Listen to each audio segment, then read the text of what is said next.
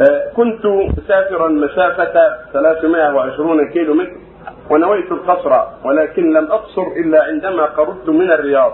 هل هذا القصر صحيح؟ علي إعادة الصلاة التامة؟ نعم المسافر لم يرد البلد؟ له قصر فإذا مشى من مكة إلى الرياض ولم يقصر إلا عند الرمى وما أشبه ذلك قبل البنيان؟ لا بأس. أو مشى من الرياض إلى القصيم أو إلى غيره ولم يقصر إلا بعدما مضى أكثر أكثر الطريق. قرب البلد التي يريد؟ لا بأس.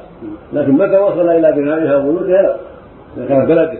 إذا كان قاصدا بلده ووصل إلى بيوتها يتم أربعة أو إلى بلد يريد أن يقيم فيها يتم أربعة من أربعة أيام المقصود أنه في أثناء السفر قبل أن يصل البلد له يقصر كان النبي صلى الله عليه وسلم يقصر الطريق قبل وصول المدينة عليه الصلاة والسلام.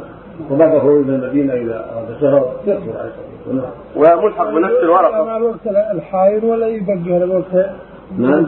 يخليها مع الوقت الحائل صار يقصر أو أراد- إذا يرد بعدها ما بعدها ما هي بأس إذا وصل قرب بلاد الظهر وضم إليها العصر أو وصل إليها المغرب وضم إليها العشاء ما هي لأن قد يشتغل إذا دخل البلد إذا كانت تشغله عن الصلاة الأخرى وهو فيها في السفر ولكن الأفضل أن يصلي الحاضرة. يصلي ال- التي تبع الحضر حتى يصليها مع إخوانه في البلد والبعض من المصلين يا شيخ يقتصر عند فرضه للطائرة.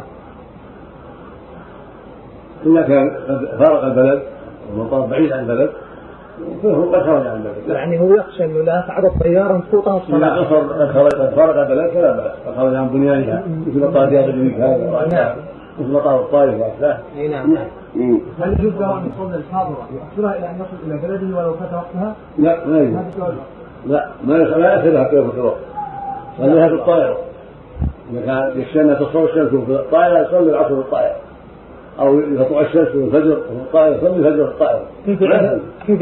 ولو قاعدة والاتجاه كيف؟ يسأل يسأل معه يسأل معه عن الغداء يسأل اللي يجتهد مثل اللي في للمسافر هل تجمع مثل الجماعة؟ نعم واجب على المسافر والحاضر جميعا إذا كان عنده ناس فلهم يوم جماعة